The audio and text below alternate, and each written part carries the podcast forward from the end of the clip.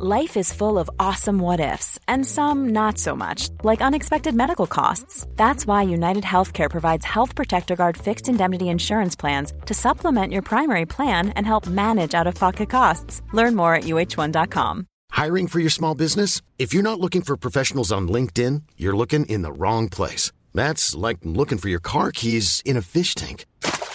LinkedIn helps you hire professionals you can't find anywhere else, even those who aren't actively searching for a new job but might be open to the perfect role. In a given month, over 70% of LinkedIn users don't even visit other leading job sites. So start looking in the right place. With LinkedIn, you can hire professionals like a professional. Post your free job on linkedin.com slash people today.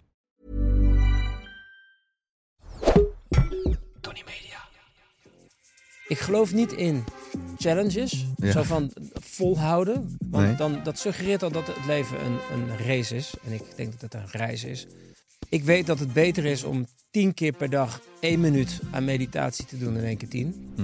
Van tevoren gezegd, tegen productie ook. Of als je, als je het wil voelen zoals het hoort, dan moet je alles heel laten. Blijf er dan net zo vanaf als dat je er de vorige keer van afbleef. Ons raakt het ook op een manier, omdat wij zo intensief met elkaar bezig zijn. Je lichaam produceert gewoon drugs. En als je dat ooit hebt meegemaakt, dan denk je dit. En dit is dus de kunst van: kan ik dit ooit nog een keer in mezelf oproepen dat dit kan? Maar je weet in ieder geval dat het bestaat.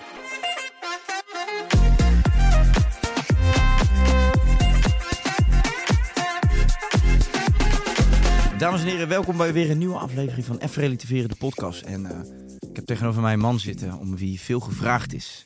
Het is, eh, mag ik eigenlijk Erik zeggen nu inmiddels? zeker. Ja, ik mag Erik zeggen. Het is Erik Wegenwijs. Voor jullie beter bekend als eh, staflid van eh, Special Forces VIPS. Super tof dat je er bent. Welkom Erik. Dankjewel, man. Dankjewel. Ik keek er echt naar uit om, om met jou te zitten. En heel veel volgers en, en kijkers van deze podcast ook.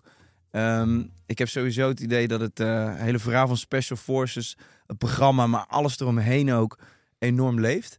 Dus daar gaan we lekker over praten. Voordat we beginnen geef ik jou nog een cadeautje. Ik zeg altijd een sigaar uit eigen doos. Your Daily Health Pack, een vitaminepakket voor precies een maand van, Dan, eh, eh, van mijn bedrijf. En het is het rust- en balanspakket, want jij zal het enorm druk hebben op dit moment. Na een maand stort ik weer in elkaar. Ja, precies. Oké. Maar dan bel je mij gewoon op, ja? Thanks, man. Thanks. Je mag je wegleggen, hoef je nu niks mee te Nee, doen. genoeg reclame is niet? Ja, ja, ja. Is hij genoeg in beeld geweest? Oké, dan gaan we door.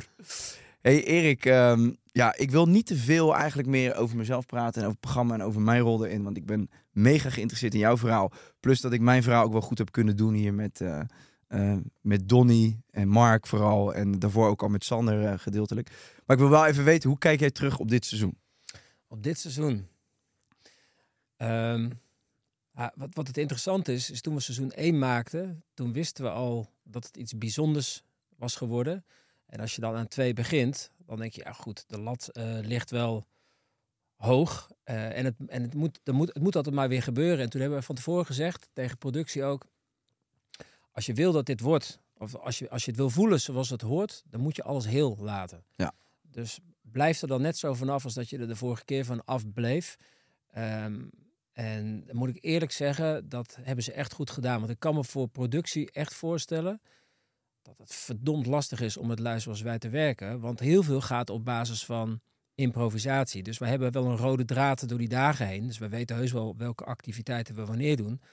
Maar hoe we het dan doen en dat we soms uit het niets kunnen zeggen... eh, oké, stop, stop, stop, eh, let op. We gaan nu even dit, want dit is het allerbeste om nu te doen. En moeten die lui natuurlijk allemaal weer schakelen. En wij zeggen, film achter ons aan. Als je achter ons aanfilmt en gewoon de bal volgt, komt het goed.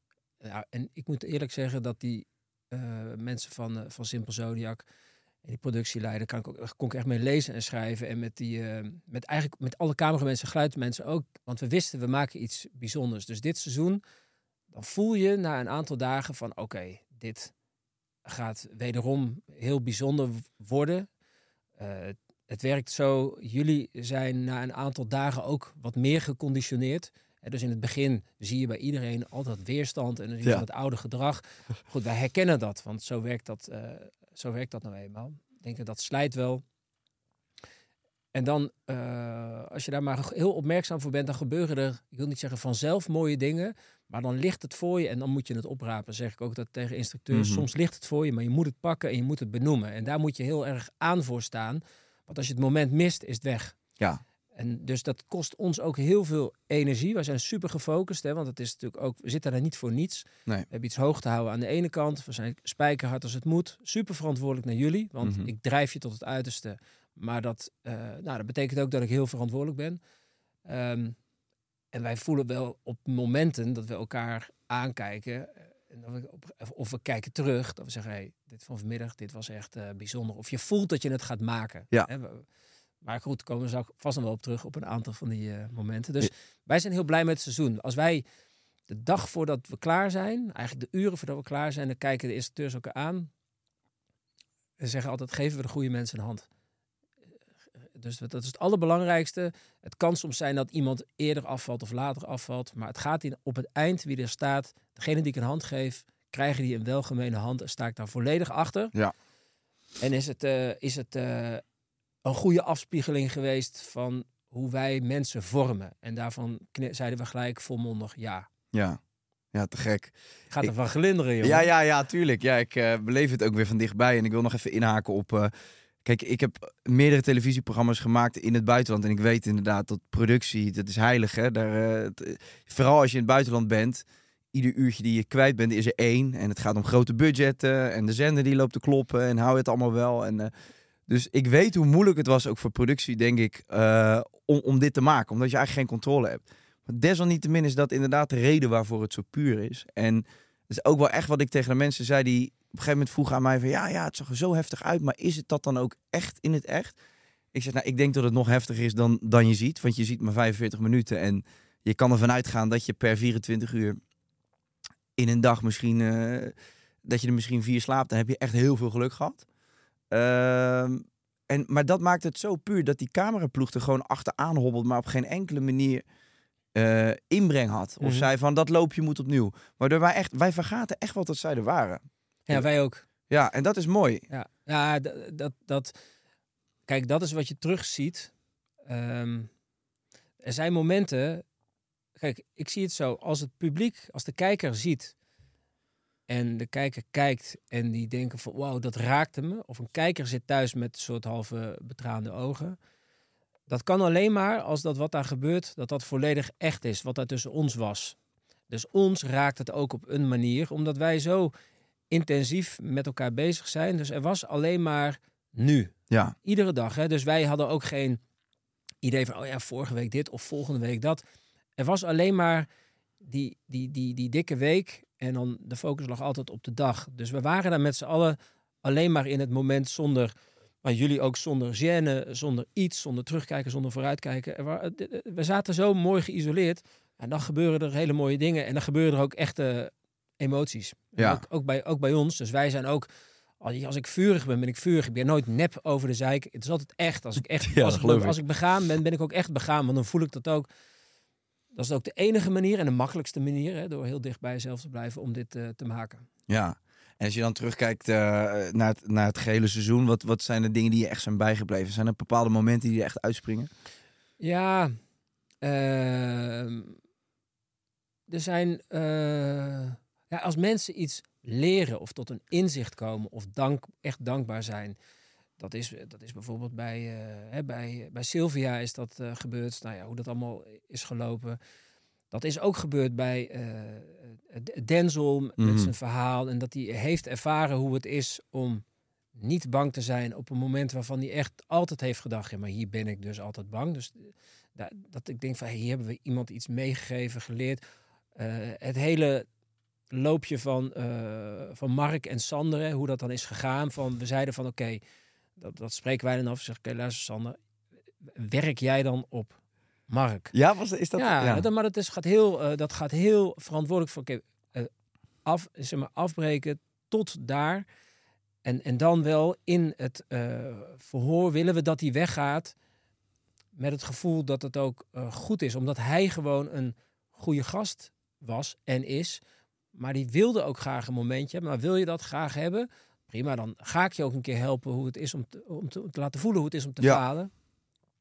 Dus dat dat dan lukt, dat maakt het mooi. Het, eh, wij, wij zien natuurlijk pas later die thuisfrontboodschappen. Dat heb ik helemaal niet gezien. Mm, Wat dat met jullie doet. Dat zien wij ook pas in de aflevering. Nou, dus het moment dat eh, jij in het verhoor zat.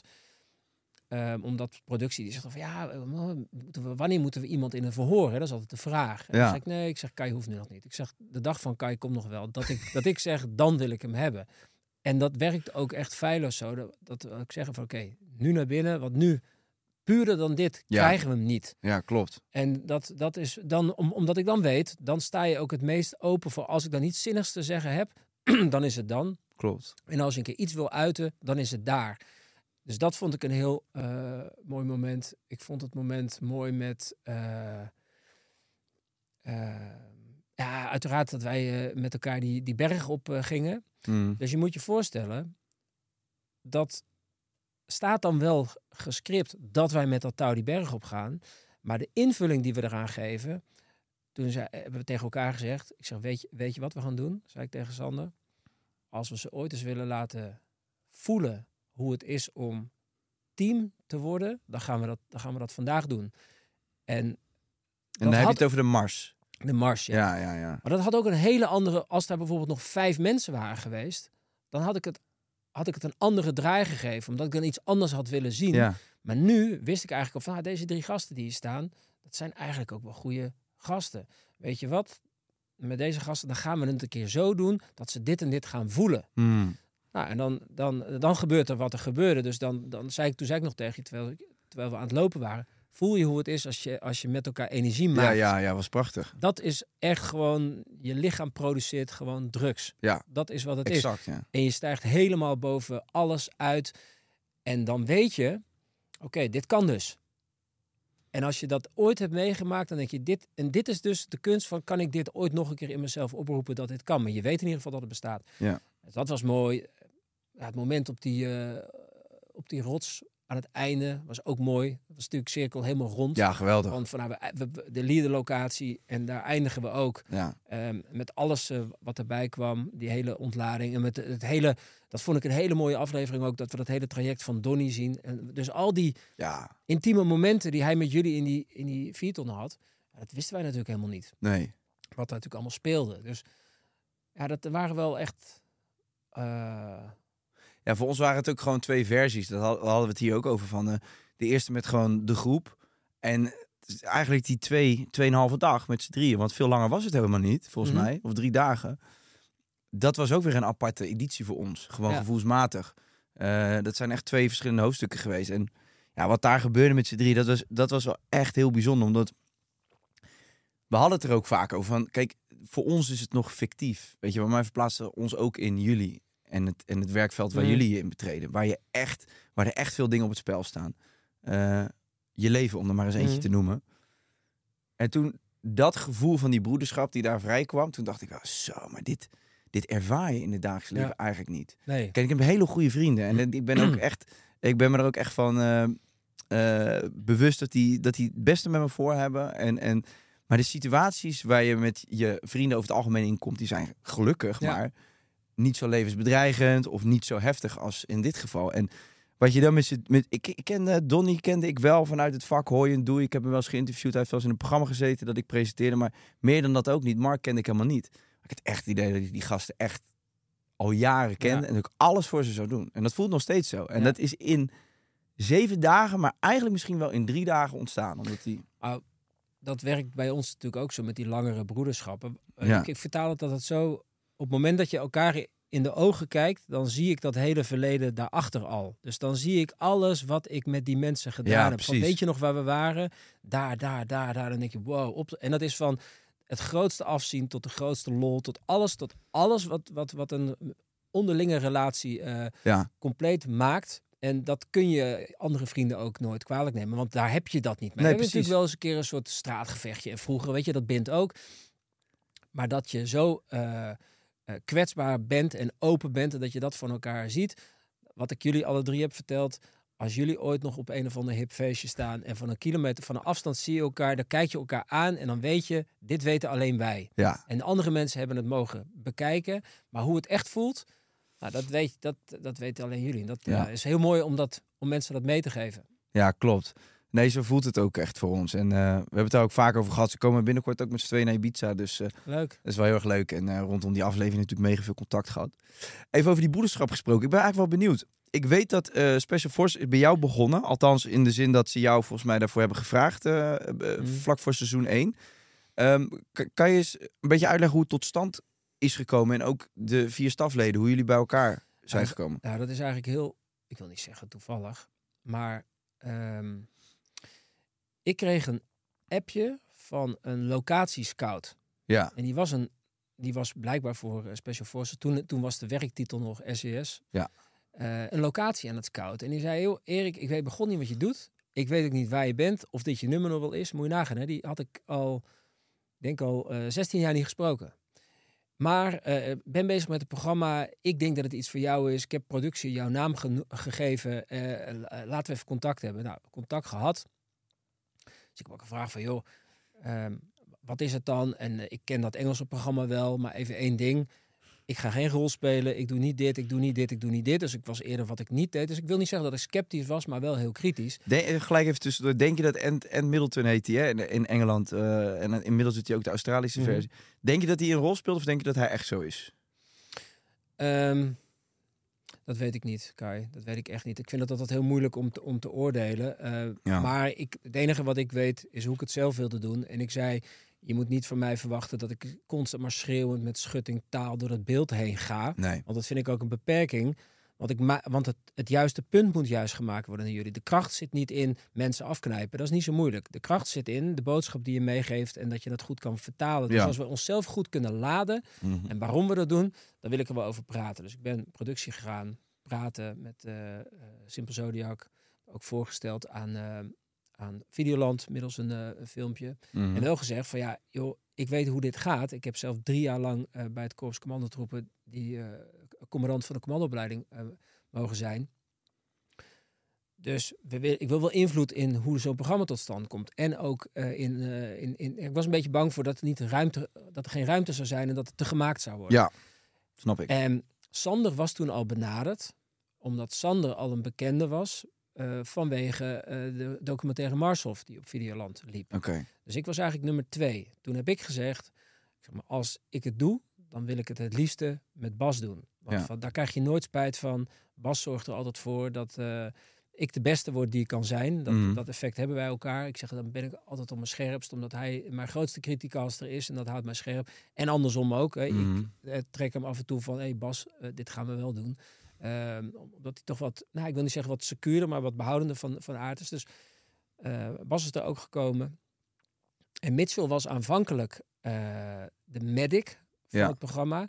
Maar omdat eh, degene die, de staflid nummer 4, die kon niet mee.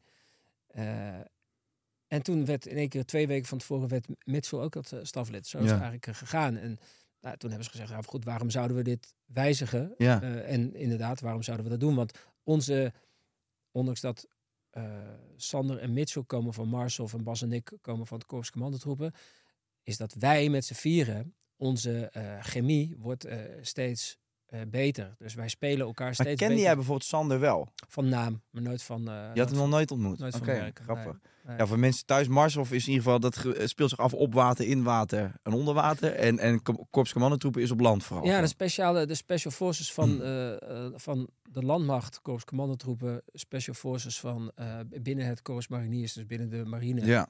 is Marshof gezamenlijk verzamelnaam eh, special forces. Oké, grappig. Dus jullie kennen elkaar niet. Dat is, eh, dat is uiteindelijk een beetje bij elkaar eh, Ja. gebracht. Bas kende je dus wel. Ja. Is dat ook iemand waar je persoonlijk Ja. privé veel mee omgaat? Ja, Bas heeft altijd in mijn ploeg gezeten vanaf 2008.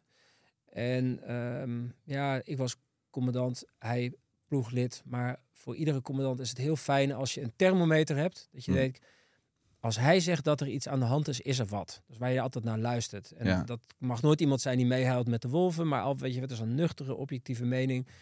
Ehm, en die klik hebben we op de een of andere manier altijd wel gehad. En op een gegeven moment gaan die wegen dan uit elkaar. Bas eh, ging ehm, eh, eh, psychologie studeren, wel in de tijd van, van Defensie nog. Ik deed mijn eigen dingen. Op een gegeven moment ben ik weggegaan bij, bij Defensie. En ehm, nou goed, op een gegeven moment heb ik gewoon gezegd... Bas, ik denk dat het een kans is, ook in je eigen ontwikkeling. Mooi om te doen. Misschien is dit het laatste beetje dat je nog nodig hebt om te springen... om ook buiten Defensie te gaan kijken. Want eh, ja, er is gewoon genoeg te doen op het vlak van ehm, mensen leren wat voor tools ze eigenlijk Ja. hebben zelf. Ja, Dat is eigenlijk exact. eh, hoe. En, en, en hoe meer. En je kan honderd keer hetzelfde verhaal gaan vertellen. Of je kan ook denken: ik gebruik dit ook. Los van het feit dat het echt wel Special Forces waardig moet zijn. Maar het bereik is vele malen groter in, tijdens een tv-programma. En ik zei: als wij het niet doen, dan gaat het programma echt wel gemaakt worden. Maar dan zonder ons. En dan zal ik waarschijnlijk de degene zijn die zit te kijken en denkt: Jezus, Zo, Hoezo zo gaat ze- het helemaal niet. Nee, precies. En- ja, ja. Dan, moet je, moet je het zelf doen, wel, wel zorgvuldig. Ehm, dus ja, dat was ook de reden dat we dat eh, deden. En ik ken hem inderdaad eh, persoonlijk ook Maar ik, ik, ik heb Bas natuurlijk alleen eh, daar op locatie gezien tijdens de, af, eh, tijdens de aflevering, tijdens het opnemen van dit programma. En eh, achteraf natuurlijk even kort. Ehm, zoals ik hem hè, daar heb gezien, ik ben heel, heel erg benieuwd hoe dat telefoontje dan gaat. Dat jij hem opbelt en zegt, Bas, zullen wij eens aan een tv-programma gaan meedoen? Ik denk dat hij de eerste keer zei van, joh, ben je helemaal gek geworden? Dat is niks voor mij. nee, maar ik niet? weet dat ik Bas altijd dingen goed moet uitleggen. Ja, Dus, hoe heb je dus dat ik? Dus, dus, nou, Ja, goed, zoals je dat- net zei. Nee, dat zeg ik dan ook. Ja. En ik, ik, ik weet zijn... eh, en dat is alleen maar goed, want hij eh, maakt altijd even pas op de plaats. Bevraagt altijd alles heel goed. En ik kan nog wel eens overwhelming zijn. Maar hij is degene die zegt, maar heel, wacht, wacht heel even, want het gaat me veel te snel. Ja. Dus hele kritische vragen stelt. En ik ben wel degene die, in geval van twijfel, zeg ik, ja, kom dan. Ik zeg, eh, wilden we toch, eh, als je dus pretendeert dat mensen soms moeten kiezen voor dat onbekende, nou, zelf ook hè, practice what you preach, moeten Ja. wij ook doen. Ja. Ehm, maar toen hij het, hij vertrouwt dan ook wel op mijn beoordeling. En, eh, heb je dus- moeten overtuigen voor je gevoel? Nee, want het is altijd een eigen keuze. Ja. Daar geloof ik heel erg in. Ik zou, ik zou nooit willen dat hij dat tegen zijn zin gedaan zou hebben. Maar daar, dat is, daar is geen sprake van. Nee. Achteraf zeker niet. Nee, nee, maar jullie zijn alle vier wel gewoon... Je kijkt met, het- met dezelfde positieve mind, kijk je naar eh, Ja. de seizoenen nu. Ja, zeker. zeker. Ja. En omdat we allemaal weten, we moeten super zorgvuldig zijn. We hebben allemaal eh, onze, onze belangrijkste criticasters die, eh, die zitten in Roosendaal. Of die zitten in, in, in Doorn of in Den Helder. Die kijken. En op het moment dat ik daar heel veel gezeik van zou hebben van niet waarheidsgetrouw of dit niet of dat niet of dat niet of hoe de... Ja, dat zou ik echt heel erg vinden. Maar hoe is dat gegaan? Want daar zijn wij natuurlijk heel erg benieuwd naar. Hoe hebben mensen uit het vakgebied erop gereageerd? Heb jij appjes ontvangen? Zeker. Ja? Ja, ja, zeker ook. Maar ook, je hebt natuurlijk ook je, je, de massa heel dicht om je heen. eh, van wie je heel erg graag wilt dat, dat het hun goedkeuring wegdraagt. Ondanks dat je zelf heus wel weet van, joh, beter dan dit konden we het niet maken. Eh, en als die mensen zeggen van, hé, hey, het is echt goed joh. Ik ben trots op en ik, ik krijg nu... In, eigenlijk sommige mensen zeiden, wat goed dat jullie dit ook vooral zo uitleggen. Want ik kan nu eindelijk een keer tegen mijn vrouw zeggen, kijk, dit, wat het. hij nu uitlegt, zo zit dat dan. Ja, ja, ja. ja. En dus oh, er zijn van heel veel mensen echt mooie, eh, mooie, mooie complimenten. En ik heb ook gewoon gezegd, joh, we zijn er gewoon eh verrot zuinig op. Want zodra ik het idee heb dat het niet meer qua sfeer, hè, want daar gaat het vooral om, hè, qua sfeer en qua setting en qua hoe wij, wat we bij jullie opwerken, als, als dat niet meer voor mij waarheidsgetrouw is hoe het in een echte opleiding gaat, dan, eh, en dat devalueert, dan, ik wil niet zeggen, maar dan kap ik er gelijk mee. Ja, snap ik. Dat vind ik zonde, dat is het echt niet waard. Dus dat, dat maakt ook het spannende van, oh jee, seizoen 2. Oh, moeten we, moet weer, het moet weer zo goed zijn. Mhm. Eh, ja, en hoe kunnen we dat het beste doen? Ja, eigenlijk door gewoon te doen wat we altijd Ja, precies. doen. Beste luisteraars en kijkers van Even Relativeren de podcast. Eh, vorig jaar toen ik Even Relativeren de podcast begon, zat ik natuurlijk altijd in de studio live tegenover mijn gasten. Door mijn verhuizing naar Ibiza hebben geprobeerd het op afstand te doen. Dus ik heb besloten om toch gewoon weer live met mijn gasten in de studio te gaan zitten. Eh, planning technisch lukt het niet om er vier per maand uit te zenden. Dat worden er dus twee, maar wel weer ouderwets zoals jullie gewend zijn. Tegenover mijn gasten in de studio. Even Relativeren de podcast. En dan komen we dus terug met die oude frisse, scherpe moed. Blijf kijken. Bedankt voor jullie feedback. Ja, ik heb ook veel eh, DM's, eh, privéberichten op Instagram gekregen, ook van gasten die eh, in dienst zijn bij Defensie. En die echt zeiden van, joh, dit was echt, het bracht mij weer terug naar die tijd. En, eh, maar echt, dat vond, dat, was, ja, dat vond ik de grootste complimenten. Ja. Dat, dat het van mensen die, die dat zelf ook hebben ervaren, complimenten kregen van, joh, het is echt inderdaad eh, wat het is. en mega tof om te zien. En ze hebben echt meegeleefd. Terwijl ik me ook heel goed kan voorstellen, als je dan in dienst bent, je ziet het, een tv-programma, je gaat toch kritisch zitten en terecht. Eh, maar de kans is groter dat het, dat het niet vertaalt wat jij in je hoofd hebt zitten of Mm. hoe jij het hebt ervaren. Dus eh, dat is zeker, dat is wel heel knap. Compliment aan jullie, maar ook denk ik inderdaad weer toch aan productie van Zeker. dat ze dat filmisch zo Ja. hebben kunnen vastleggen. Hiring for your small business? If you're not looking for professionals on LinkedIn, you're looking in the wrong place. That's like looking for your car keys in a fish tank. LinkedIn helps you hire professionals you can't find anywhere else, even those who aren't actively searching for a new job but might be open to the perfect role. In a given month, over 70% of LinkedIn users don't even visit other leading job sites. So start looking in the right place. With LinkedIn, you can hire professionals like a professional. Post your free job on linkedin.com/people slash people today. Ja.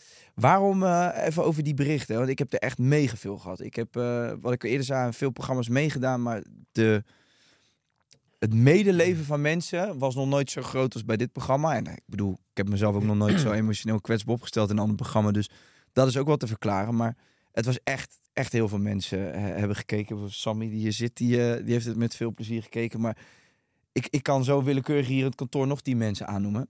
of opnoemen. En allemaal echt zitten meeleven. Wat denk jij nou dat het is waarom dit programma eh, de mensen thuis op de bank ook zo raakt? En waarom, waarom het zo populair is geworden? Als je dat vertaalt ook naar de maatschappij waar we staan als, als mens op dit moment. Ja, nou, daar hebben mij twee dingen, eh, twee dingen zijn me opgevallen. Eén, de eerste antwoord op je eerste vraag, omdat het echt was. Mm. Het waren echte mensen met eh, echt gedrag, wij. Dus er werd niks gepresenteerd. Het was eigenlijk gewoon een registratie van hoe dat dan gebeurt tussen mensen. En toevallig, deze mensen kennen ze. Jullie zijn eh, eh, bekend. Ze kennen jullie van ander gedrag. En in één keer Ja. zien ze gedrag dat daar volledig van afwijkt. Maar ze zien ook, wow, dat gedrag is dus niet gespeeld. Dat zijn ze dus echt. Maar wat ook op het puntje van de stoel, wat ze op het puntje van de stoel brengt, is dat het schuurt. Dus dat wij schuren. Of dat wij echt, dat, dat mensen kunnen horen van nee, joh, zegt hij dat nou echt? Ja. Of gaan ze dat nou nog een keer? Maar niet vanuit sadisme, maar gewoon omdat het moet. Omdat, omdat eh, we, willen toch, we willen toch zo nodig iets. Nou, dan is dit wat het is.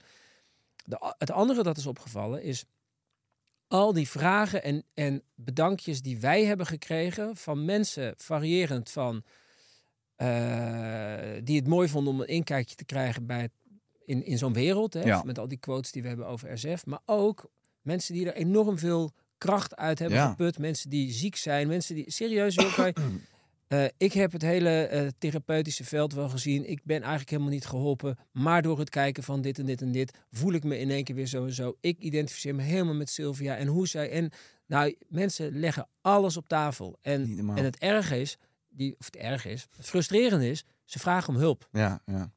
Of eh, willen meer achtergrond hebben. Of willen echt geholpen worden in één op één. Dat kan natuurlijk never, nooit. Dat lukt gewoon niet Nee. om die mensen te helpen. Maar ik ben dan wel zo dat als ik op LinkedIn zo'n, zo'n eh, want dat is dan mijn eh, social media, eh, Mm. tot na de orde, inmiddels wel Insta opgericht Kijk. voor een andere reden. Nou goed, niet dat ik dat, wat ik daarmee doe. Als ik een persoonlijk bericht krijg, dan krijg ik dat te zien en dan antwoord Ja. ik het. Maar voor de rest ben ik, kan ik het niet eens openen op mijn telefoon. Maar goed, dus ik antwoord al wel al die berichten, omdat ik ook denk, ja, ik krijg het niet over mijn hart om dan maar te denken, ja, jammer joh, ik ga niet antwoorden. Dus dat, dat hebben we gedaan en toen zeiden wij, hé, maar zullen we, zullen we dan echt eens pogen om dat wat wij weten, hoe wij naar mensen kijken, hoe wij jullie gevormd hebben, of waar nou dat, eh, ik wil niet zeggen waar die heilige graal, want dat staat ook zo eh, pretentieus, maar goed, een beetje de, meer achtergrond te geven bij hoe je er ook bij jezelf bij kan komen. Dat is voor Bas en voor mij de reden geweest om te zeggen, we gaan een platform maken. Ehm, dat echt gaat over ons nou ja, grotere gedachtegoed, waarvan je heel veel flarden hebt teruggezien in het programma. Ja. Ja, het is grappig. Er komt een soort van, eh, ja, voor sommigen onverwacht misschien, voor sommigen ook wel eh, aan te zien komen. Maar er komt een soort schreeuw vanuit de maatschappij bijna naar boven, vanuit, vanuit dat programma.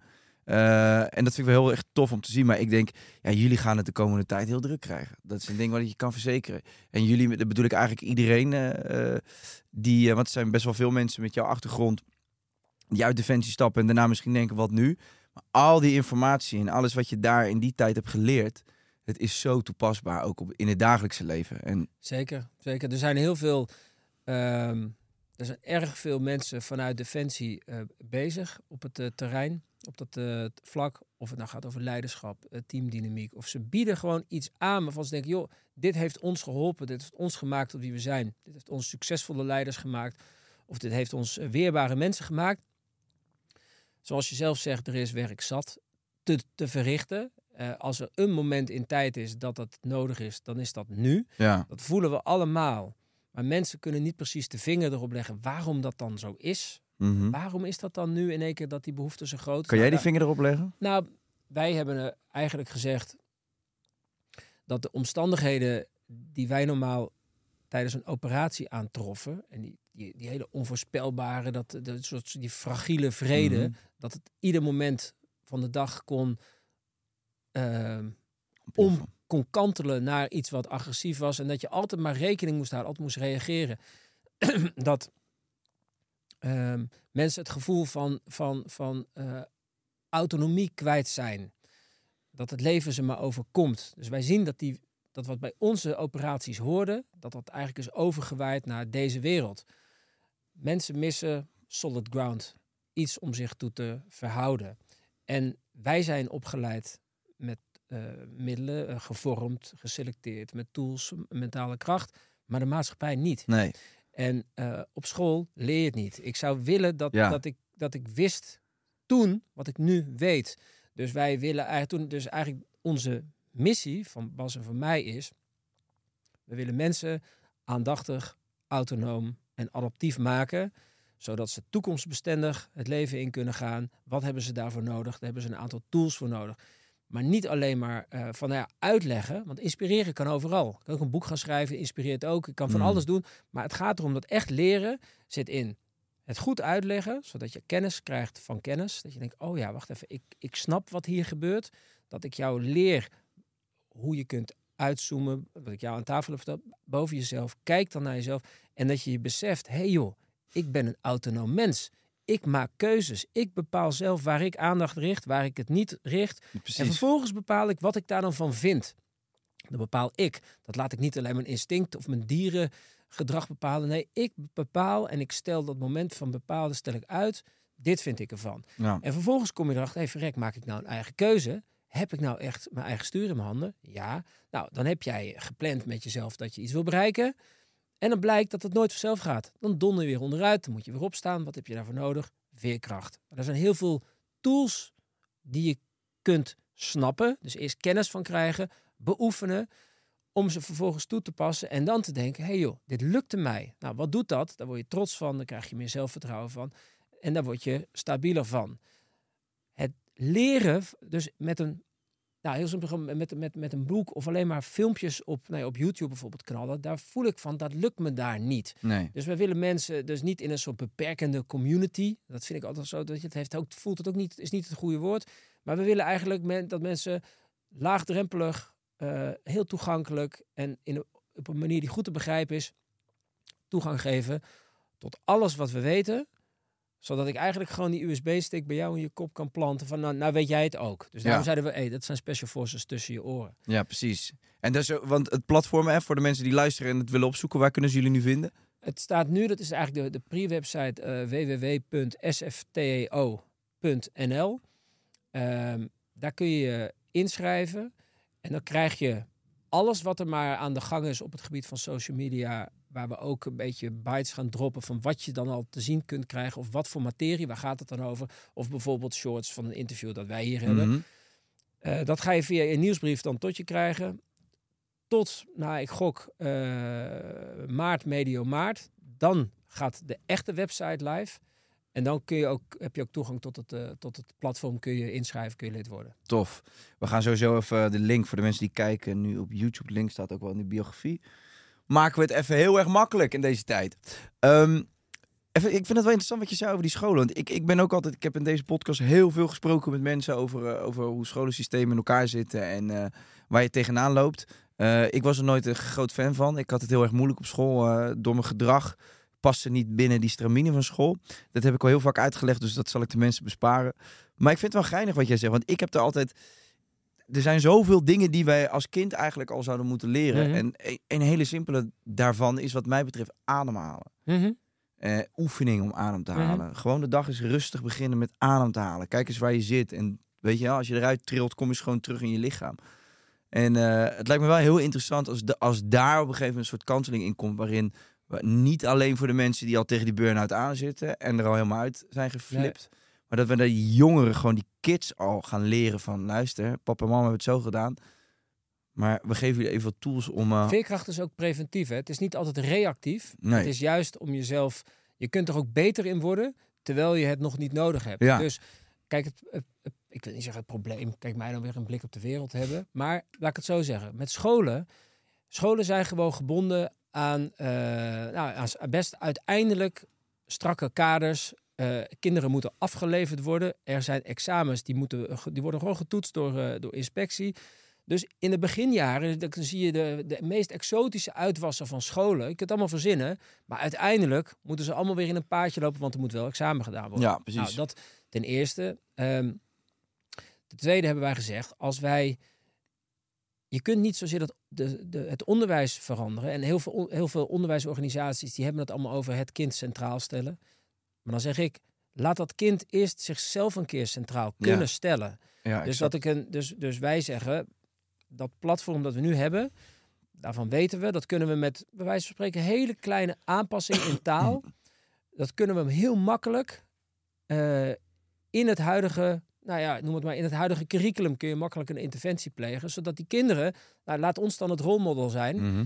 als ze dan naar ons wel luisteren, over joh, denk nou eens hierover na, of doe nou eens dit, des te beter. Wij krijgen mails van leerkrachten. eh, beste Erik, dit dank je wel. Ik gebruik tijdens mijn lessen, huh, huh, huh, gebruik ik fragmenten van Special Forces VIPs, vooral daar en daar, om, dan, om kinderen iets duidelijk te maken. Mm, Denk ik, ja, als dat zo is, zeg ik, ja, laat ons dat verhaal dan exact, vertellen. ja, ja. Want dan hoef je dus de school niet te veranderen, te veranderen maar je kunt gewoon het curriculum eh, veranderen, zodat mensen ook op zo'n platform, kinderen op zo'n platform kunnen kijken van wat zegt hij dan nou precies over dat vreemde fenomeen dat we dan bewustzijn noemen of een lichaam Mm. en een geest. En als je 16 bent, dan kom je er net een beetje achter. Maar als je dat in goede taal kan vertellen, hoe ze daar dagelijks zelf, eh, hoe ze dat dagelijks zelf tegenkomen, of dat we iets kunnen vertellen over over simpel over doelen stellen. Of over je eigen passie zoeken. Of over je binnenwereld. Stemmingsregulatie. Nou, als er iets van belang is voor jongeren, is het, ze hebben allemaal een stemming. Wij ook.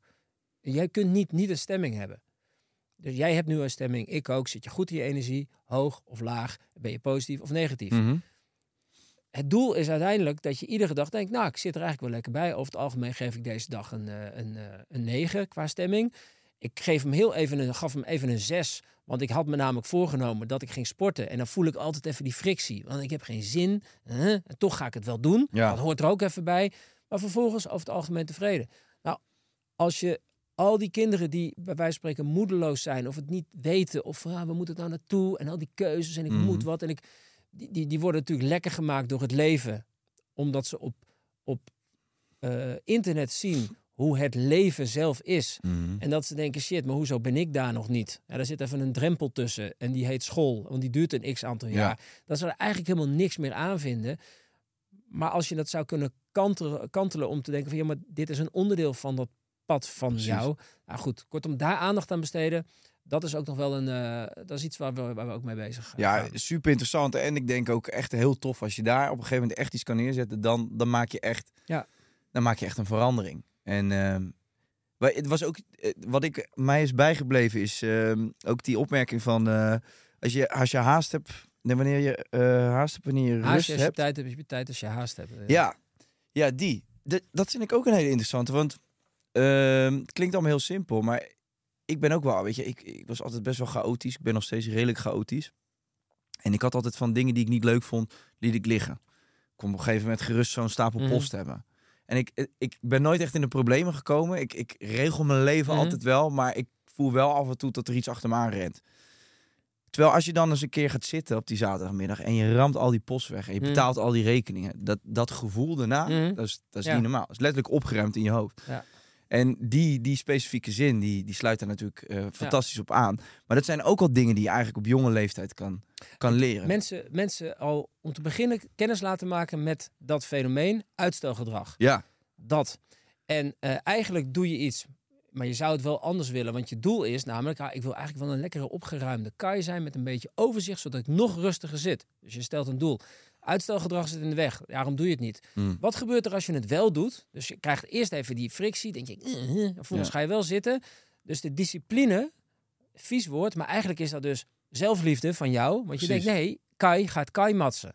Door dit te doen. Ja, ja, dat Want is het. daarna heeft hij precies wat hij wilde. Dat was zijn doel. Dus eigenlijk doe je jezelf een groot plezier. En dus wat, wat, wat hoort daarbij? Dat is dan, als jij daarmee begint, terwijl je het altijd anders deed, is dat nieuw gedrag.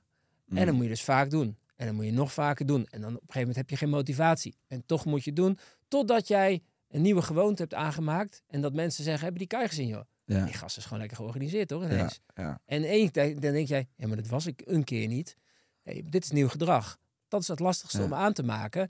En daar heb je dus ook, dat is wat wij op dat platform ook, gewoon, zo noem het maar de pushbericht, dat ik onder je huid zit, dat je van mij hoort, ik weet wel wat je nu dacht, je wilde het niet gaan doen hè. Weet je, dat soort dingen heb je als Ja. mens nodig, als het geweten, dat steeds met je meeloopt, dat je denkt, verrek, ja dat is ook zo. ja. Want je weet het zelf altijd wel. Mooi. Hey Erik, ik ben benieuwd. Hoe ziet jouw eh, gezinsconstructie eruit eigenlijk? Heb je kinderen? Dat weet ik helemaal niet. Een gezinsconstructie Ja, ook. de Ik, constructie. heb, eh, ik ben getrouwd, ik heb een, eh, een zoon van 16 Ja. en een dochter van 11.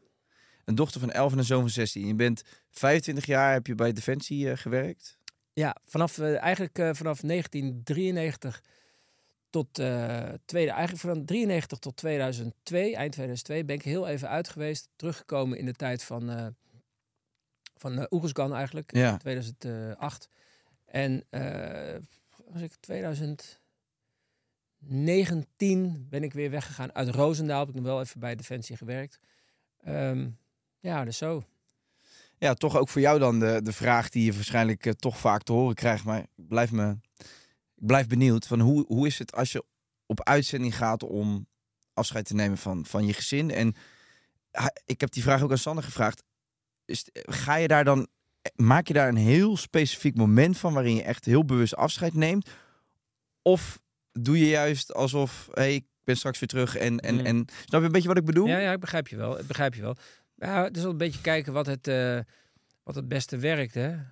Kijk, voor een, voor een kind, toen, toen mijn zoon nog jong was... En op een gegeven moment kon, dan kunnen ze goed tellen. En dan weten ze ook heel goed, een oefening, hoeveel nachtjes ga je dan weg? En dan zei hij bijvoorbeeld 21. 21? Dat is heel veel. Dus krijgen ze dat... Dan denk je, dan, weet je, dat doet Dan was het eigenlijk pijn. oefening waar je naartoe ging. Was gewoon, maar, dan, maar dan was het ook echt een oefening. Dus zelfs dat... le- Maar goed, totdat je vier maanden... Mm. Ehm, maar daar leef je met elkaar ook wel naartoe. Dan krijg je op een gegeven moment ook te horen van... joh, ehm, kon je nu al maar weggaan? Weet je, je zit toch aan te hikken tegen dat moment dat je gaat. En eigenlijk Hoe uitzicht dat dan in je gezin? nou, dat is ook gewoon eh, eh, wennen en dat uitspreken. Kijk, de meeste uitzendingen heb ik bewust gedaan eh, toen mijn kinderen nog echt jong waren. Dus ik denk dat mijn dochter er niet zoveel van heeft meegekregen. Mm. Ehm, maar ik, ik, ik, zei het, ik zei het wel zo. Ik ga van huis weg en ik kom thuis terug. Ja. Dus Ja. ik kijk van, ik, ik, weet je, ik kom gewoon terug hier. En, dat, eh, en ik, ik ben altijd wel, eh, je programma het even relativeren. Ja. Daar kan ik, kan ik echt wel aardig. Dingen klein maken, kleiner, klein, kleinst. Om, om het behapbaar te maken. En dat ook zo vertellen thuis. Want als je het allemaal groot maakt. En dan, Dus mensen die dan denken dat ze die vrouwen een plezier doen door te zeggen: Oh, is hij weer weg? Jeetje, vier maanden. Nou, het is ook wat, hè? nee, ja. dan moet je, als je dat lekker blijft zeggen, Ja. en vervolgens daarna weg, dan is het hartstikke leuk dat medelijden. Dat is ook echt wel gemeend. Maar die andere wordt daar niet beter van. Nee, exact. Dus soms heb je veel meer aan, ah joh, dan gaan we fixen. Dat komt wel goed. En zo, eh, ja. dan is het voor je het weet ben je over de helft. En dan is het dit. Dus je probeert ook die periode op te breken met elkaar. En voor de thuisblijvers is het vele malen moeilijker dan voor ons. Ja. Ondanks dat wij hebben, kijk, we hebben gekozen voor het werk. Maar feitelijk ga je met je tweede familie op pad. Ja, je ja, hebt ja. altijd elkaar. Je, Ja, hebt- precies. je bent daar volledig in het moment al die maanden. Dus het zwaarste is het gewoon voor degene die moeten wachten. Hè. Dat is, de, ze kunnen allemaal. Dus ik zeg dat zo: de, de militairen hoef je niet zielig te vinden. Met het, met het thuisfront, dat verdient veel meer waardering dan al. Ja, dat zeg misschien over. Kijk, die militairen die doen echt wel dingen, maar die hebben het goed. Die maken het met elkaar ook wel goed. Om, omdat het het enige is dat er dan is. Gedeelde Exact, ja. smart. Ehm, nou ja, goed, weet je, in, in, in, het, in het klein. Natuurlijk ehm, miste jij eh Jessie daar. Hmm. Maar, eh, en nu was het een week, maar het is, zij zit te wachten hoe het met je is. Hoe zou die het hebben? Hoe zou die het doen? En dat is natuurlijk niet te vergelijken met vier maanden. Nee. Maar jij had wel daar alleen maar het momentum. Het is dat we dat filmpje laten zien. Anders dan zou je misschien ook niet iedere dag eraan gedacht hebben. Nee, want je nee, wordt helemaal opgezogen door wat daar is. Ik heb helemaal de tijd niet voor. Dus, dus ehm, en, en is er een manier om daarmee om te gaan? Ah, weet je, ik had mijn manier. En er is Hmm. niet een manier. Het is hetzelfde als je weet niet hoe je moet omgaan met, met, met rouw of met eh, verdriet. Iedereen heeft daarvoor zijn eigen manier die voor die persoon mo- moet werken.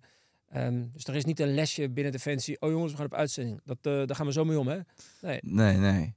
Nee, maar dat maakt het ook zo onvoorspelbaar, denk ik. Ja. Ehm, en ik ben ook heel erg benieuwd naar... Je, je zit al 25 jaar eh, bij Defensie, je maakt van alles mee. Dat, die, het leven na Defensie, dat lijkt mij een bizar zwart gat. Of heb jij dat niet zo Ehm, ervaren? Nee, Nee? kijk, Kai, alle tijd die ik bij Defensie heb gezeten, ik, mijn stelling is al, is al zolang als ik eh, een beetje met dit soort vragen bezig ben, als je als mens bewust keuzes maakt, bewust. Dus ik weet, 20 jaar geleden maakte ik bewust keuzes om iets te doen. 15 jaar geleden, dan sta je op momenten en denk je, ik kies bewust, bewust. Dus dat betekent dat als die tijd voorbij is en ik kijk terug, dan weet ik al, ja, Erik, je koos daar bewust, hè. Dus het heeft geen zin om spijt te hebben of dat het anders had gekund. Het was niet een opwelling, het was allemaal bewust. Dus toen ik wegging bij Defensie, oké, waarom ga ik weg? En de betere vraag is, want waar ga je naartoe? Ja. Dus klopte, dus ik heb mijn eigen persoonlijke missie, die ik altijd heb gehad, die herijk ik één keer in de zoveel tijd. En dan denk ik van, hé, hey, loopt dat nog wel in de richting die Defensie heet? Of wil ik nu eigenlijk, hè, zoals ik zeg, ah, complexe problemen eh, makkelijker maken, mensen inspireren, mensen helpen, eh, door creativiteit kwijt te kunnen, door te ontdekken, nieuwsgierig te zijn, enzovoort, enzovoort, enzovoort.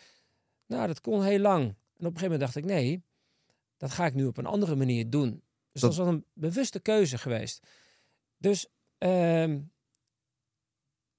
om even, om, dus heimwee op dat soort vlakken heb ik niet. Hè. Je kent de term eh, FOMO, hè? Mhm. Terwijl ik zou dan denken, nee, het gaat niet om FOMO, maar het gaat om eh the joy of being where you are. Mhm. De hele tijd. Dus eigenlijk moet het zo zijn dat nu zit jij hier en heb je een hele leuke tijd. En dat jij dan weggaat en dat je dan denkt, oh kut voor die lui, ben ik weer weg. Maar eigenlijk is het de leukste plek waar jij bent. Mhm. En ik moet hem denken dat het de leukste plek is waar ik ben. Ja. Dus niet dat ik denk, shit, die gasten die gaan nu, zitten ze in Arizona, zijn ze weer aan het parachute springen. Oh, ik weet ook precies waar ze dan, wat ze dan het weekend gaan doen. Oh, was ik nog maar daar? Nee, want daar heb ik niet bewust gekozen. Nee, ik denk, oké, gasten, ik ben weg. Nieuwe fakkeldragers, zet hem op. Ik ben hier, dat wordt nu de leukste plek om te zijn. En had jij rond 2019 begon je het gevoel te hebben dat dat pad wat je wilde bewandelen een beetje eh, van eh, Defensie afliep? Ja, dus ik knipte eerst door dat ik wegging bij Special Forces. Toen zat ik nog wel bij Defensie, maar Ja. bedoel, daar ben ik groot geworden. Daar ben ik opgevoed.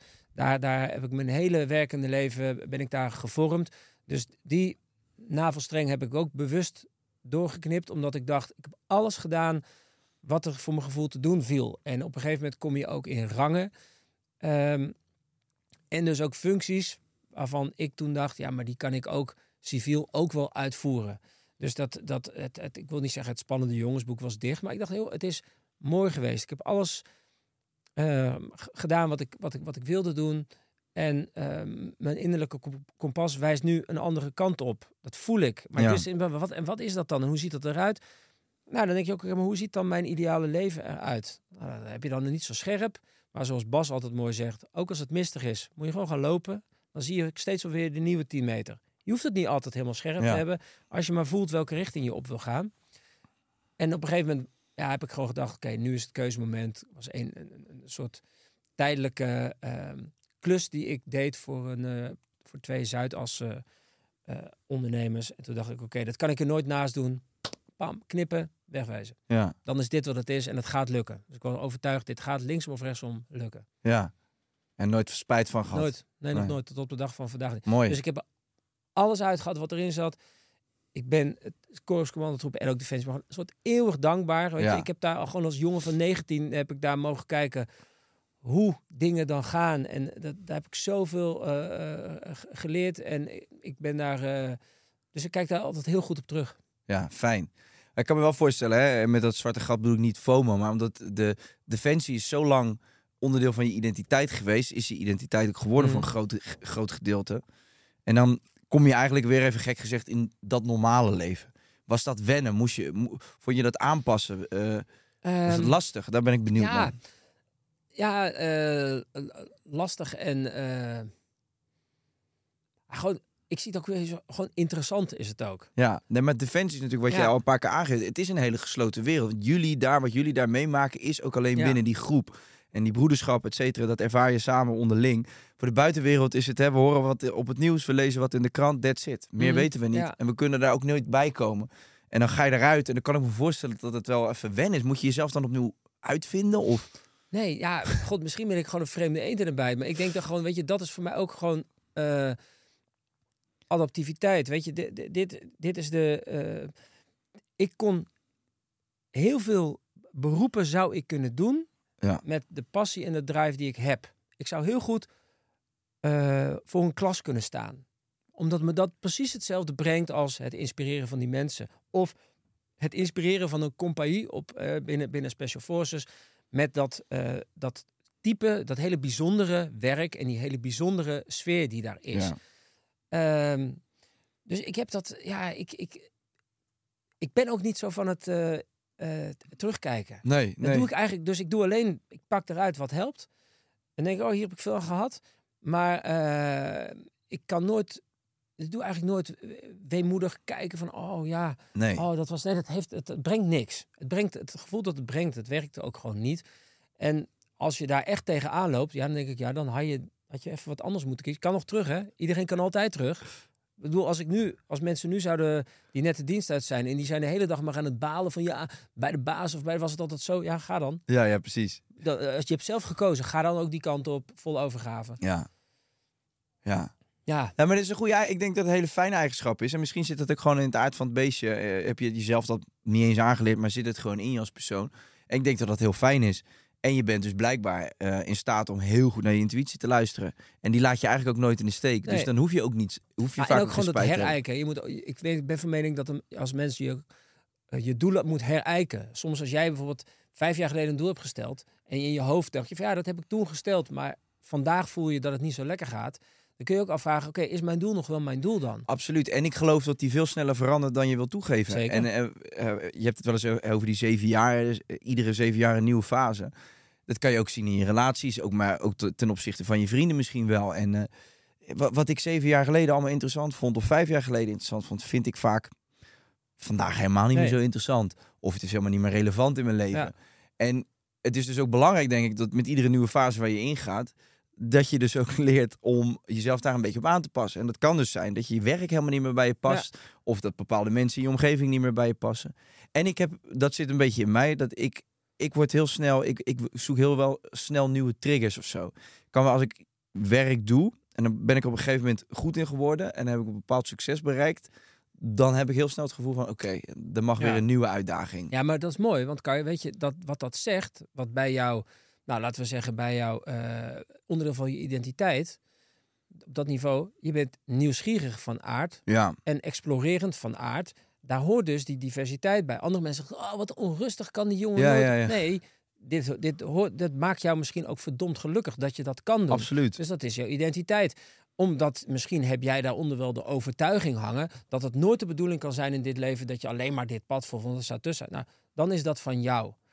En eh, dat andere mensen dat eh, heel onrustig vinden, ja, die hebben hun eigen eh, identiteit waarop ze lekker gaan met hun eigen missie. Dus het is alleen maar goed dat je jezelf kent. Als jij lang vast zou liggen ergens op het, met hetzelfde werk, dat, dat jouw dag 365 dagen per jaar zou bestaan, dat hier een beetje naar de Mm. studio gaan, nou, word je gewoon igel, word je doodongelukkig waarschijnlijk. Ja, ja. Nee, klopt. Ja, ik vind ook gewoon op het moment dat je... Ik heb ooit een keer een documentaire gezien. eh, dat ging over een van die gasten. Volgens mij heet die Jimmy Iovine. Ik kan zijn achternaam nooit uitspreken. En die heeft met die Dr. Dre heeft hij in Amerika... Hij had al die grote artiesten in Mhm. Amerika. Alle rappers en zo. Die zaten bij hem... eh, en ehm, op een gegeven moment heeft hij die Beats by Dre samen met hem. Mhm. Maar een hele inspirerende documentaire. Die vertelde op een gegeven moment dat de, dat de kracht was van de artiesten die het beste en het langste meegingen. Dat die durfden te veranderen op het moment dat ze nog in een hoogtepunt zaten. Dus dat ze, heel veel artiesten die doen een trucje, hè? bijvoorbeeld Mm. een nummer, Mm. nou, een bepaald deuntje erop. eh, het nummer geeft een bepaalde vibe, weet je wat, nummer één hit. De tweede, dat moet dezelfde zijn, want dat werkt Ja, dus blijkbaar. Op een gegeven moment durven ze er niet meer vanaf te stappen. Ja. Toen had hij het over van de artiesten die, die groot zijn, dat zijn die doen op het moment dat je totaal niet verwacht komen met een album, dat je denkt, hè? Maar dit, dit, dat vind ik Mm. helemaal niet bij jou passen en dat wil ik helemaal niet, want ik ben dit Mm. van je gewend. En dan op een gegeven moment denk je, ja, het is toch wel heel goed.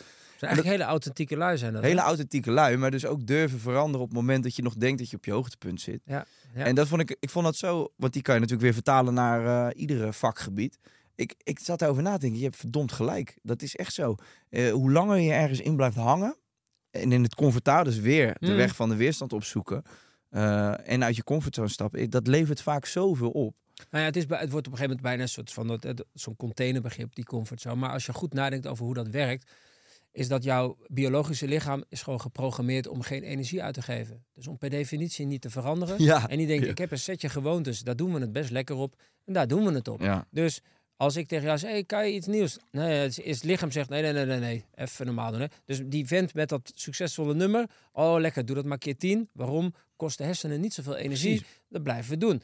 Dus dat is je, je evolutionaire systeem, zegt dat. Dat wat jouw mens maakt, die fantastische cortex die je op je kop hebt zitten, die zegt, hey, iets nieuws, zullen we gaan? Dus die wil ontdekken. Nou, en dat spel, dus die frictie tussen, gaan we iets nieuws of ik hou wat ik heb en ik geef geen energie uit, ik blijf veilig. Dat eh, spel, dan is de vraag, ja, waar geef je dan aan toe? Is de vraag van dat rotgevoel, dat je hebt, ja, ik ga het toch doen. Nou, daar is vaak moed voor nodig en de overtuiging dat dat gaat, gaat lukken. En als je het al gedaan hebt, dan krijg je die voldoening. Waardoor jij dan denkt, hé, hey, dat ga ik nog een keer doen. Ja. Zal ik het nog een keer doen? Nou, en zo begint dat wiel. Wij noemen dat, Bas en ik noemen dat het vliegwiel van progressie. Dat moet je aanslingeren. Maar dat zorgt ervoor dat je toch nieuwe dingen blijft doen. En dat je dat maar zo vaak doet, dat op een gegeven moment laat jouw motivatie je echt in de steek. Dan denk je, ja, eh, nu even niet.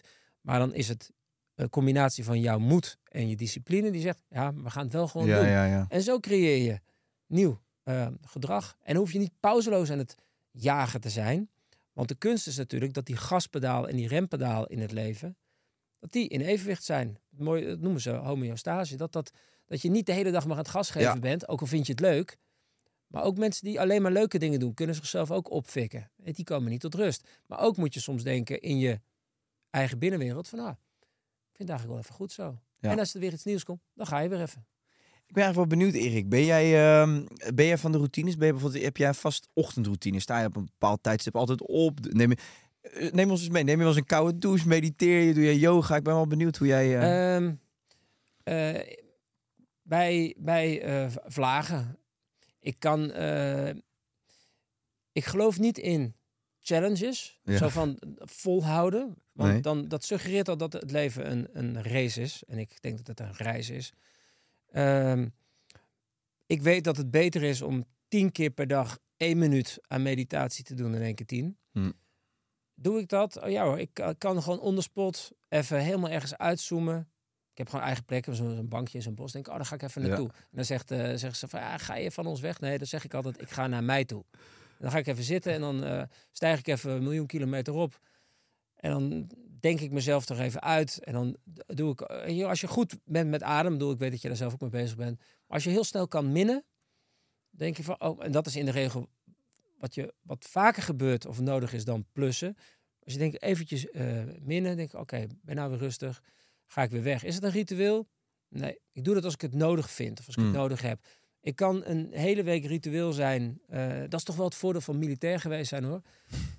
Waar wij onze tas neerdonderen, daar wonen we. ja. Dus dan is van, eh, ik heb helemaal niks met, eh, oh ja, s ochtends een zo laat eruit en dan koffie en dan dit.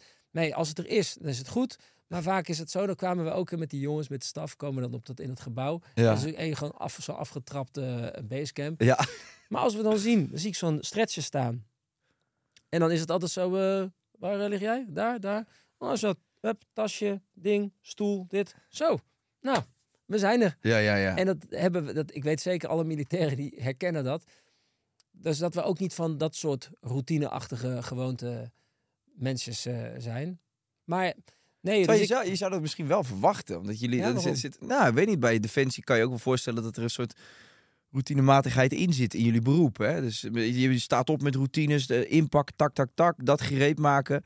Eh, Zeker. voel- voel- voelt wel alsof er heel veel Nee, routine in Kijk, er zit, er zit natuurlijk structuur. Ja, Dus er zit structuur. structuur en logica zit erin. Ja, Maar routine, kijk, als wij onze mensen ook opleiden om adaptief te zijn, ja, dan dat sneuvelt al op het feit dat je alleen maar routinematig kan handelen. Want als het niet plan A wordt en we, we- wij, we wijken af, dat iedereen zit te kijken, ja, ja, en nu? Dus wij, wij zijn heel erg goed, vooral SF, in contingency denken, in what-ifs. Dus we hebben een ideaal scenario, dat gaat zo lopen. De operatie loopt zo, dan doet die dat, die dat. Wij zijn echt heel goed in het vooruitdenken. En dan vuren we vanaf de zijkant allemaal what ifs. Ja, maar als nou dit, en als nou dit, en als nou dit niet lukt, en als nou dit niet lukt. En niet te verwarren met eh, dat we een soort voorsorteren op van, oh jee, het zal wel niet lukken.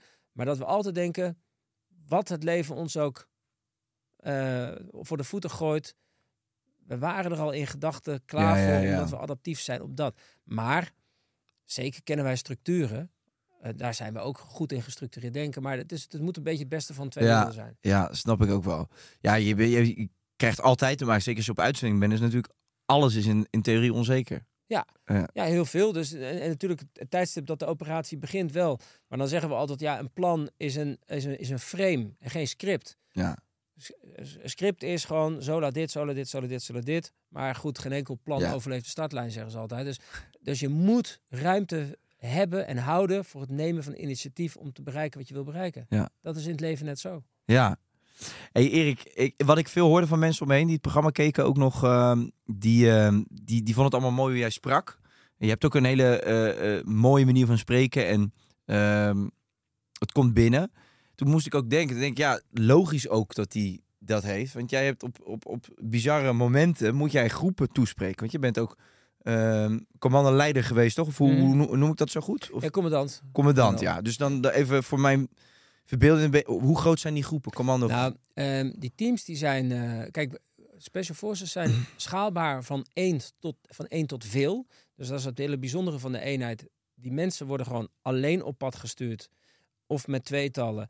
Of als we het dan over teamgroottes hebben, dan zou het een team zijn tussen de 8 en de 10. Hè? Dan ben je teamcommandant. Maar als je dus meerdere teams aan mag sturen. eh, dat was mijn eh, laatste functie. Dan ben je compagniescommandant. Dus dat zijn zeven van die teams. Maar dan ben je niet, eh, dan moet je niet voorstellen dat dan die commandant eh, te velden zit te kijken hoe zeven van die teams werken. hè. Dus er zijn allemaal weer teams op hele andere Ja. vlakken. Alleen, het is wel de eenheid waar je voor verantwoordelijk bent. Dus op die grote. Hè? Ehm, en dus die moet je op de juiste mensen ook toespreken en richten en meekrijgen. Want het gaat over, eh, nou ja, leiderschap gaat over veel. Hè? De ene keer moet je ze coachen, de andere keer moet je ze inspireren en leiden. Dus de context waarin je met je clubje of met je team of je bedrijf, of in mijn geval mijn compagnie, de context bepaalt altijd op welke toon je zendt en wat je vertelt. Dus context bij het programma, de context bepaalt de woorden die ik kies, hoe hard, welk tempo. Dus als ik met jou in een verhoor zit en ik zie hoe jij er aan toe bent, dan ben jij mijn context en dan moet ik denken, daar ga ik zo tegen praten.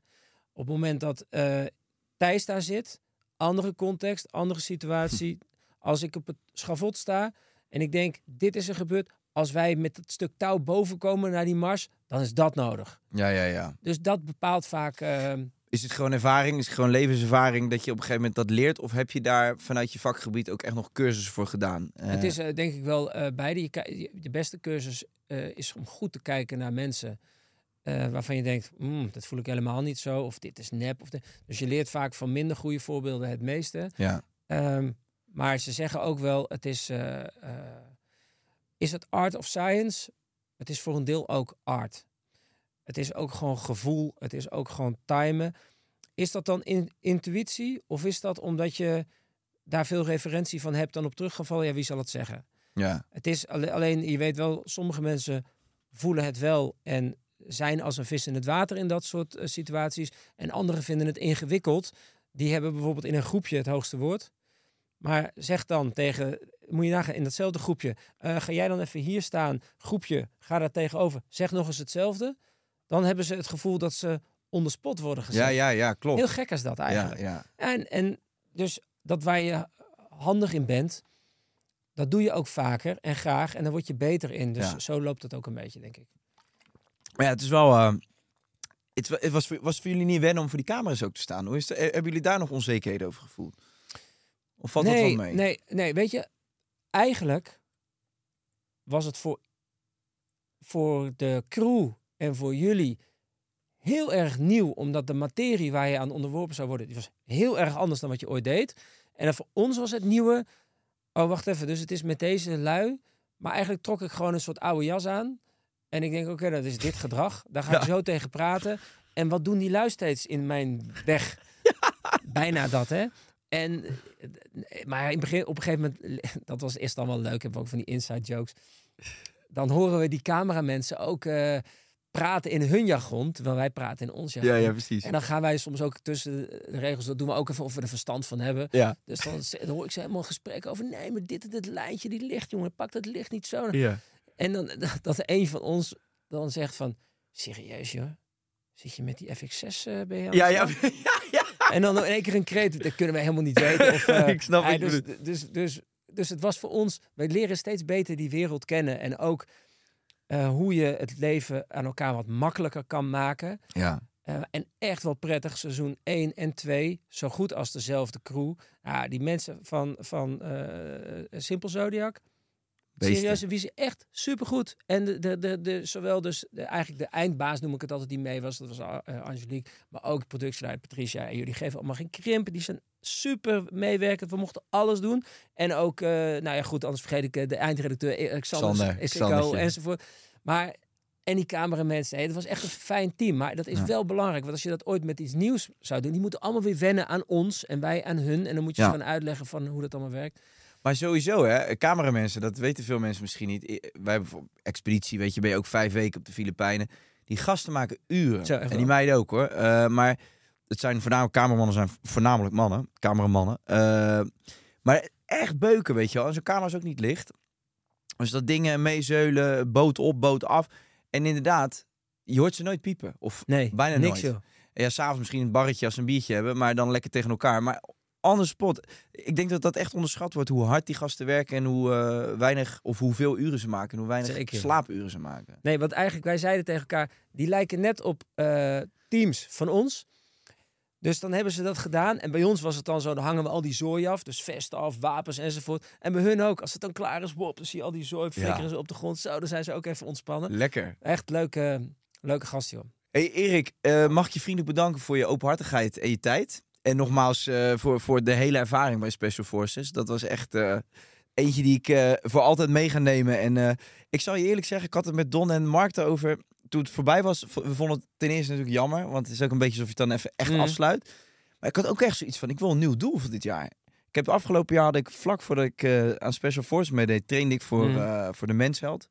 En ik ben eigenlijk altijd een mega begonnen hier geweest. Nog steeds wel. Ik woon op Ibiza, ik hou van een feestje. eh, maar ik heb mezelf deze zomer echt, echt een schop onder mijn reet gegeven om fit en gezond te worden. En ja, ik heb er zoveel plezier in Mhm. gehad, dat ik voor dit jaar echt gewoon weer een soort nieuw doel wil. En waarom wil je dat dan precies? ja, dat, het heeft me echt het heeft me een soort van gevoel gegeven dat ik, dat, ik, dat ik leefde. En ook veel meer respect voor mezelf. Omdat als je jezelf eh, afmat, dat klinkt dan misschien een Mhm. beetje oneerbiedig, maar gewoon eh, jezelf even ertoe aanzet om te sporten, goed op je eten te letten. Mhm. Eigenlijk heb je respect voor jezelf. Zo voelde dat. Mhm. Dus ik voelde me fit, ik voelde me scherp, ik voelde me in, in, mijn, in, mijn, in mijn kop voelde ik me eh, scherper. En dat, dat, ik merkte ook dat ik meer voor elkaar kreeg eh, met mijn andere werk, gewoon omdat ik helderder was. Maar dat is, toch, dat is toch al een doel op zich om je zo te voelen. Los van dat dat een doel met een punt in tijd is dat daar een activiteit bij hoort. Maar het lijkt, lijkt me zo leuk om weer ergens naartoe te leven. Ja, dat kan als je dat echt, weet je, als Ja. je dat wil, als het dan, als het dan, weet je, weet je, als je maar niet per se dat einddoel nodig hebt om ook te denken van, hé, maar in het belang van Kai, want ik wil me fit voelen, ik wil mijn zus, ik wil me zo, ik weet hoe ik dat doe, dat het dat een soort way of life wordt. En dat er dan toevallig een keer een doel onderweg is van, hé hey, eh, Kai, zullen we even die berg opknallen? Ja. Oh ja, leuk, doe ik ook. Anders krijg je weer eh, dat het doel zo groot wordt gemaakt ja. en de, de weg daar naartoe een soort leiders... Nee, ik heb het vastgehouden. Dus het sporten en Ja. zo heb ik vastgehouden. En sinds deze maand eh, eh, geen alcohol zit. Ook bij mij, grappig dat jij dat zei over die challenge. Bij mij zit er even geen datum aan. Mhm. Ik drink gewoon even niet. Ik Ja. rookte hiervoor, daar ben ik mee gestopt. Daar wil ik wel echt gewoon, dat is in principe gewoon klaar. Of in principe. Dat moet gewoon klaar zijn. En voor de rest leg ik mezelf niks op. Maar ik voel me nu heel erg fit. Ehm, en ik, wil, ik, ik zie wel waar dat strand en waar dat naartoe leidt. Dus dat trainen zit helemaal in.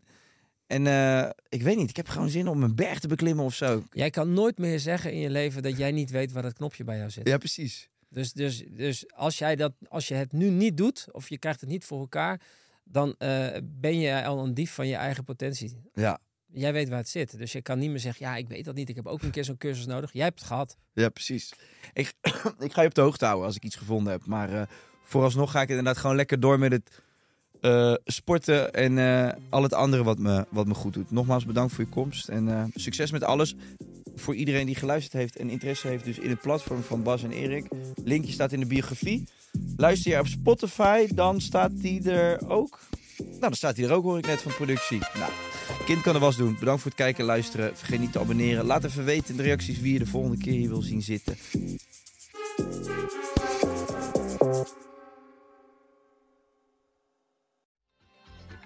Weet je waar ik zo'n tyfushekel aan heb? Toeristen, als het te druk is in de stad, zelf koken. Ja, alles wat je nu zojuist benoemt. En daarom maken jij, denk Daan Hogevorst, En Robert Rodenburg. een podcast waarin we alleen maar klagen. Want klagen is HET medicijn tegen het collectieve leed wat maandag heet. Dus elke maandagochtend een nieuwe te horen op je favoriete podcast-app. Maandag Klaagdag!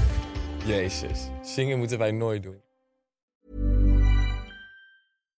Hi, I'm Daniel, founder of Pretty Litter. Cats and cat owners deserve better than any old fashioned litter. That's why I teamed up with scientists and veterinarians to create Pretty Litter. Its innovative crystal formula has superior odor control and weighs up to 80% less than clay litter. Pretty Litter even monitors health by changing colors to help detect early signs of potential illness. It's the world's smartest kitty litter. Go to prettylitter.com and use code ACAST for 20% off your first order and a free cat toy. Terms and conditions apply. See site for details. Hey, it's Paige DeSorbo from Giggly Squad. High quality fashion without the price tag. Say hello to Quince. I'm snagging high-end essentials like cozy cashmere sweaters, sleek leather jackets, fine jewelry, and so much more. With Quince being 50 to 80% less than similar brands. And they partner with factories that prioritize safe, ethical, and responsible manufacturing. I love that. Luxury quality within reach. Go to quince.com slash style to get free shipping and 365 day returns on your next order. Quince.com slash style.